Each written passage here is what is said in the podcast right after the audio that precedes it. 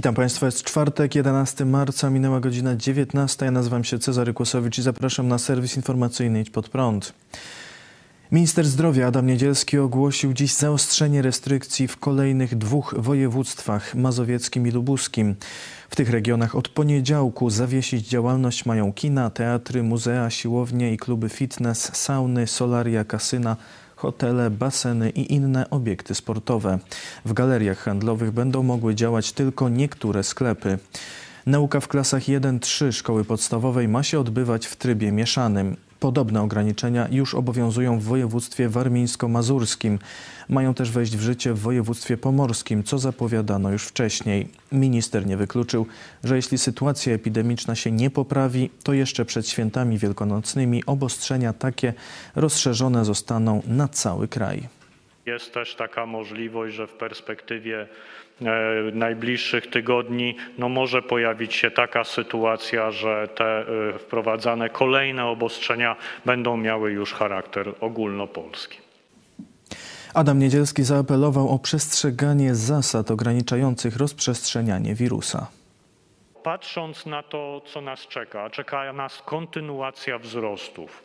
Jeżeli chcemy, żeby te wzrosty osiągnęły sobie swoje apogeum przed świętami, to znowu e, to jest działanie, które jest w naszych rękach. W tym sensie, że stosowanie tych podstawowych reguł bezpieczeństwa dotyczących zasłaniania twarzy, zachowywania dystansu, to cały czas są narzędzia, które pomagają nam, czy mogą nam pozwolić zredukować skalę wzrostów. To jest szalenie ważne i apeluję, żeby już w tej chwili, nie czekając na wprowadzenie regulacji, nie czekając na to, od kiedy rozporządzenia zaczną działać, żebyśmy znowu zaczęli stosować regułę czy zasadę zostań w domu. Zostań w domu, jeżeli nie musisz ograniczenia swojej aktywności. Namawiam wszystkich do wietrzenia pomieszczeń, do y, przebywania właśnie w takich pomieszczeniach, które są wentylowane, czy przynajmniej regularne wykonywanie tego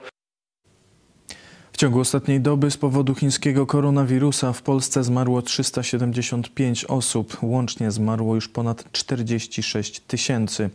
Stwierdzono ponad 21 tysięcy zakażeń. To najwięcej od listopada.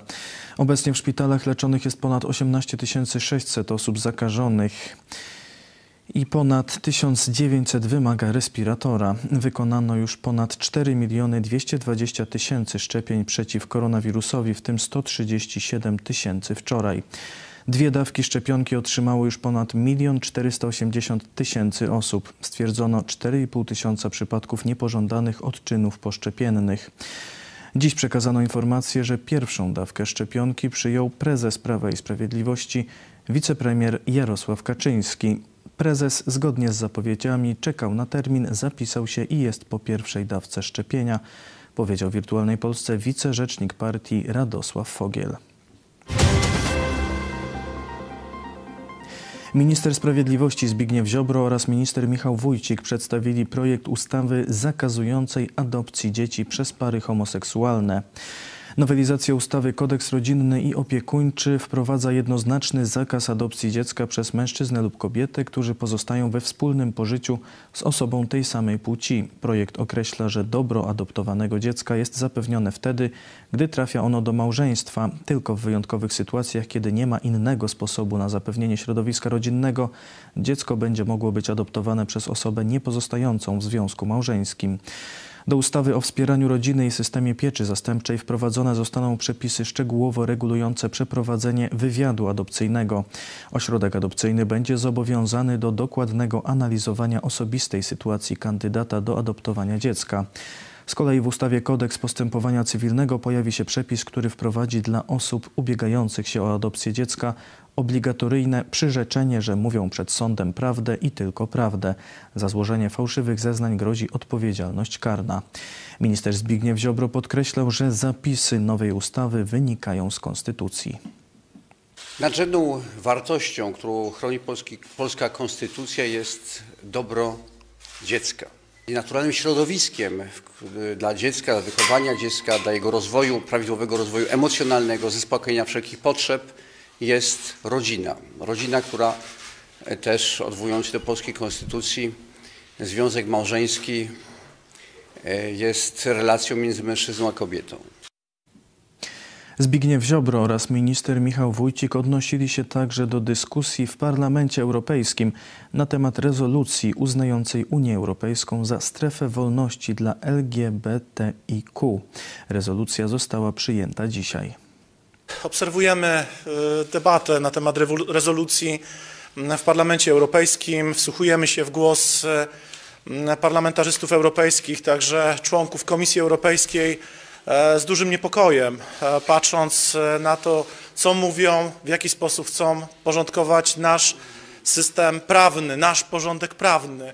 I trzeba w którymś momencie powiedzieć dosyć tego. Dalej nie możemy sobie dawać skakiwać na głowę, nie możemy dawać się ustawiać w kącie przez e, polityków e, unijnych, którzy uważają, że oni mają monopol na wiedzę, jak powinna wyglądać rodzina, e, co to są prawa człowieka. My, Szanowni Państwo, mamy swoją tożsamość, mamy swoją tradycję, mamy swoją kulturę, mamy swój porządek prawny i nikt nam nie będzie w tym porządku prawnym mieszał.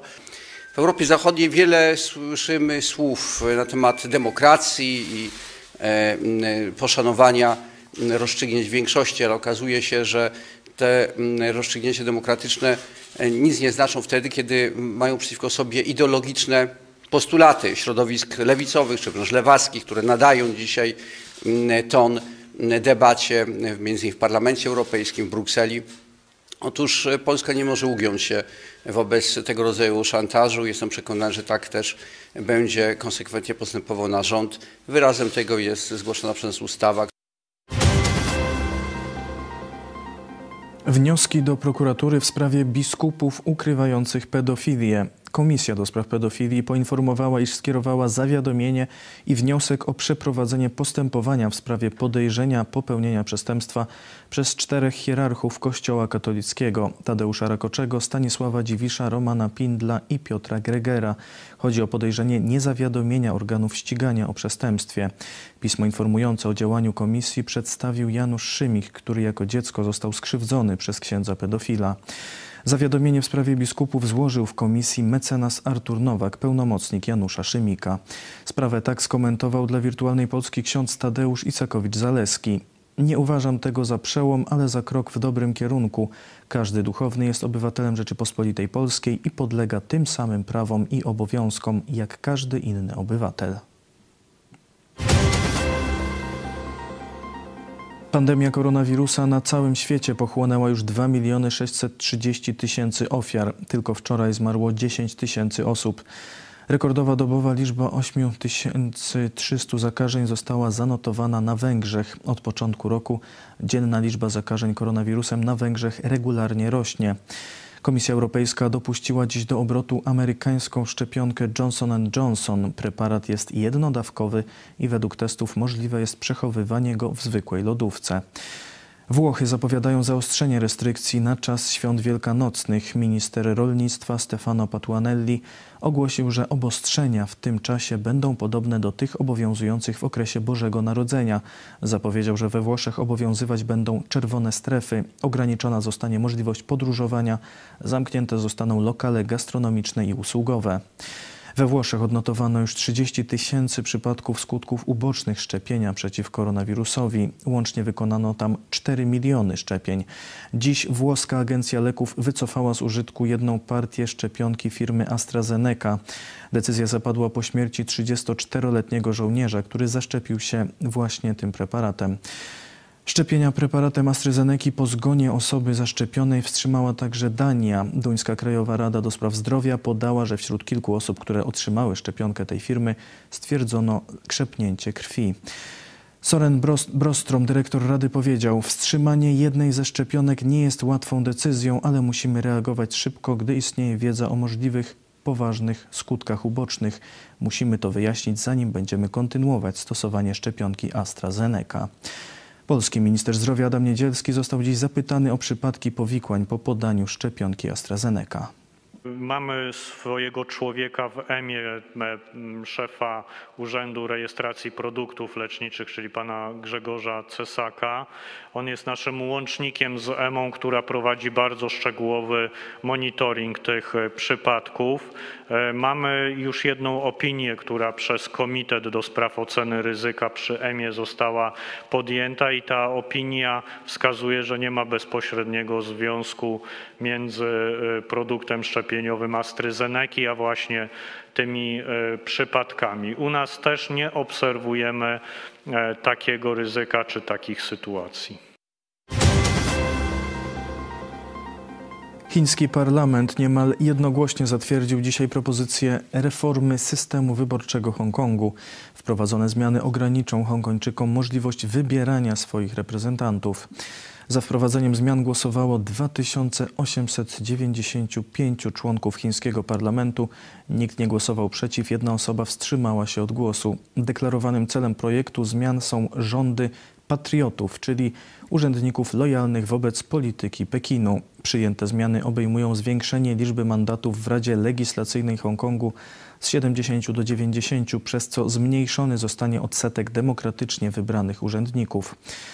Komisja Wyborcza, czyli organ odpowiedzialny obecnie za wybór szefa administracji Hongkongu, zostanie powiększona z 1200 do 1500 członków i otrzyma uprawnienia do zgłaszania kandydatów do Rady Legislacyjnej, a także do powoływania około 1 trzeciej jej członków. Komunistyczne Chiny zaatakują Tajwan w ciągu sześciu najbliższych lat, ostrzega amerykański admirał Philip Davidson. W przemówieniu przed Komisją do Spraw Sił Zbrojnych Senatu USA Davidson powiedział, że rosnące ambicje militarne komunistycznych Chin zagrażają zarówno Tajwanowi, jak i Stanom Zjednoczonym. Chiny wyraziły się dość jasno, że chcą odebrać USA przywództwo na świecie. Będą próbowali zrobić to do połowy tego wieku. Pozbywają się przeszkód, które według nich stoją im na drodze do osiągnięcia tego celu, mówił amerykański admirał. Tymczasem chińskie Ministerstwo Obrony kolejny rok z rzędu zwiększyło swój budżet obronny. Wzrost wynosi prawie 7%, a łączne wydatki na chińską armię mają wynieść około 209 miliardów dolarów. Dwóch członków Chińskiej Centralnej Komisji Wojskowej, czyli wiceszef komisji Xu Qiliang i chiński minister obrony Wei Fenghe podczas tegorocznej sesji parlamentu chińskiego w swoich wypowiedziach sugerowało, że Pekin musi jeszcze bardziej zwiększyć wydatki celem przygotowania się do ewentualnej konfrontacji ze Stanami Zjednoczonymi. Sprawę skomentowała dziś w programie Idź pod prąd na żywo nasza korespondentka na Tajwanie Hanna Shen po stronie przynajmniej części chińskich wojskowych jest takie przekonanie, że ten moment e, ataku, najpierw na Tajwan, a potem e, na Stany Zjednoczone, można przyspieszyć. I mieliśmy kilka wypowiedzi podczas e, zakończonej sesji chińskiego parlamentu, kilka wypowiedzi chińskich wojskowych z tej najwyższej e, półki, które wskazywały, że oni rzeczywiście tak widzą to. Widzą słabość Stanów Zjednoczonych, korzyści, jakie w wyniku pandemii odniosły e, Chiny i uważają, że to jest ten moment, kiedy trzeba szybko zwiększać gotowość bojową, E, jak powiedział minister obrony Chin e, w czasie, w czasie posiedzenia parlamentu, dokonać modernizacji wojska i przygotować się do nieuchronnej wojny. I myślę, że to wyczuwają amerykańscy e, wojskowi i dlatego zwracają na to uwagę. Także mamy, tak podsumowując, po dwóch stronach mamy wojskowych mówiących do własnych rządów. Chińscy wojskowi mówią do swojego.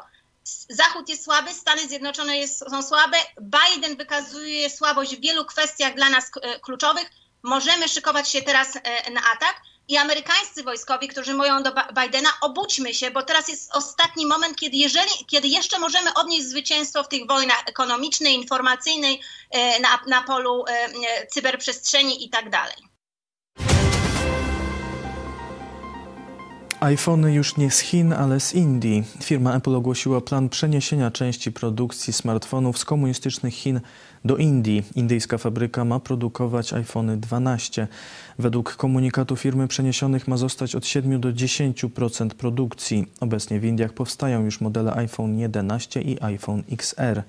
Najnowszy model iPhone'a ma być produkowany zarówno na potrzeby lokalne, jak i na eksport. Apple podał, że jeszcze w tym roku możliwe jest przeniesienie do Indii montażu smartfonów. Trwają także rozmowy nad rozpoczęciem tam produkcji iPadów. Przechodzimy do wiadomości sportowych. W środę poznaliśmy kolejnych ćwierćfinalistów piłkarskiej Ligi Mistrzów.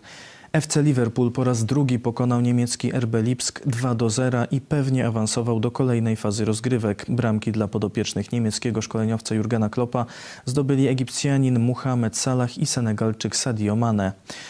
W drugim środowym spotkaniu ambitnie grająca FC Barcelona zremisowała na wyjeździe z aktualnym mistrzem Francji Paris Saint-Germain 1 do 1. Do półfinału Ligi Mistrzów awansowali Paryżanie, którzy w pierwszym meczu pokonali ekipę z Katalonii 4 do 1. Mecz rewanżowy mógł rozstrzygnąć się inaczej, jednak przy stanie 1 do 1 kapitan FC Barcelony, Argentyńczyk Leo Messi, nie wykorzystał rzutu karnego. Liverpool i PSG dołączają do Borussii Dortmund i FC Porto, które we wtorek zapewniły sobie awans do ćwierćfinałów Ligi Mistrzów. Skandal we Włoszech. Siatkarka Lara Lugli została pozwana przez swój były klub Pordenone z powodu niepoinformowania o planach zajścia w ciążę. Włodarze zespołu po otrzymaniu informacji o ciąży zawodniczki rozwiązali z nią umowę, a także odmówili wypłacenia jej miesięcznego wynagrodzenia. Lugli w trakcie pobytu w domu straciła dziecko. La Gazzetta dello Sport zamieściła oświadczenie klubu, w którym czytamy – Lara Lugli milczała w czasie negocjacji nad umową o swoim zamiarze posiadania dzieci. To źle wpłynęło na klub, a ona mogła wrócić na ostatnie dwa miesiące kontraktu i pomóc zespołowi. Jej wybór sprawił, że drużyna straciła wiele punktów na boisku, a w ostateczności także sponsora. Siatkarka broni się twierdząc, że informowała klub o swoim dramacie, ale nikt z działaczy nie poprosił o powrót do gry. Ponadto dodała, chociaż nie jestem gwiazdą światowej klasy, nie może to być precedens dla przyszłych sportowców, którzy znajdą się w takiej sytuacji. Sprawa wywołała spore kontrowersje we Włoszech i ma trafić na szczebel rządowy. Stowarzyszenie Sportowców Włoskich zapowiedziało, że wystosuje oficjalne pismo do premiera Mario Draghiego oraz przewodniczącego Włoskiego Komitetu Olimpijskiego Giovanniego Malago o zbadanie sprawy. Nie żyje wielokrotny reprezentant Polski w piłce ręcznej Henryk Rozmiarek. Smutną wiadomość przekazał Polski Związek Piłki Ręcznej. Rozmiarek miał 72 lata, był jedynym polskim szczypiornistą, który trzykrotnie wystąpił w Igrzyskach Olimpijskich.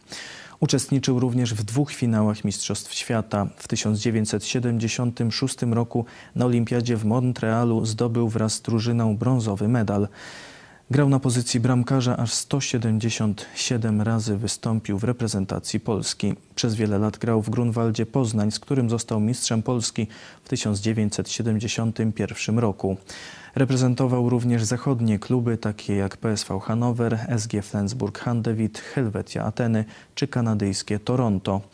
W latach 2007-2009 prowadził grupy młodzieżowe reprezentacji Polski, a w czasie w latach 2009-2010 współpracował z kadrą narodową kobiet trenera Krzysztofa Przybylskiego.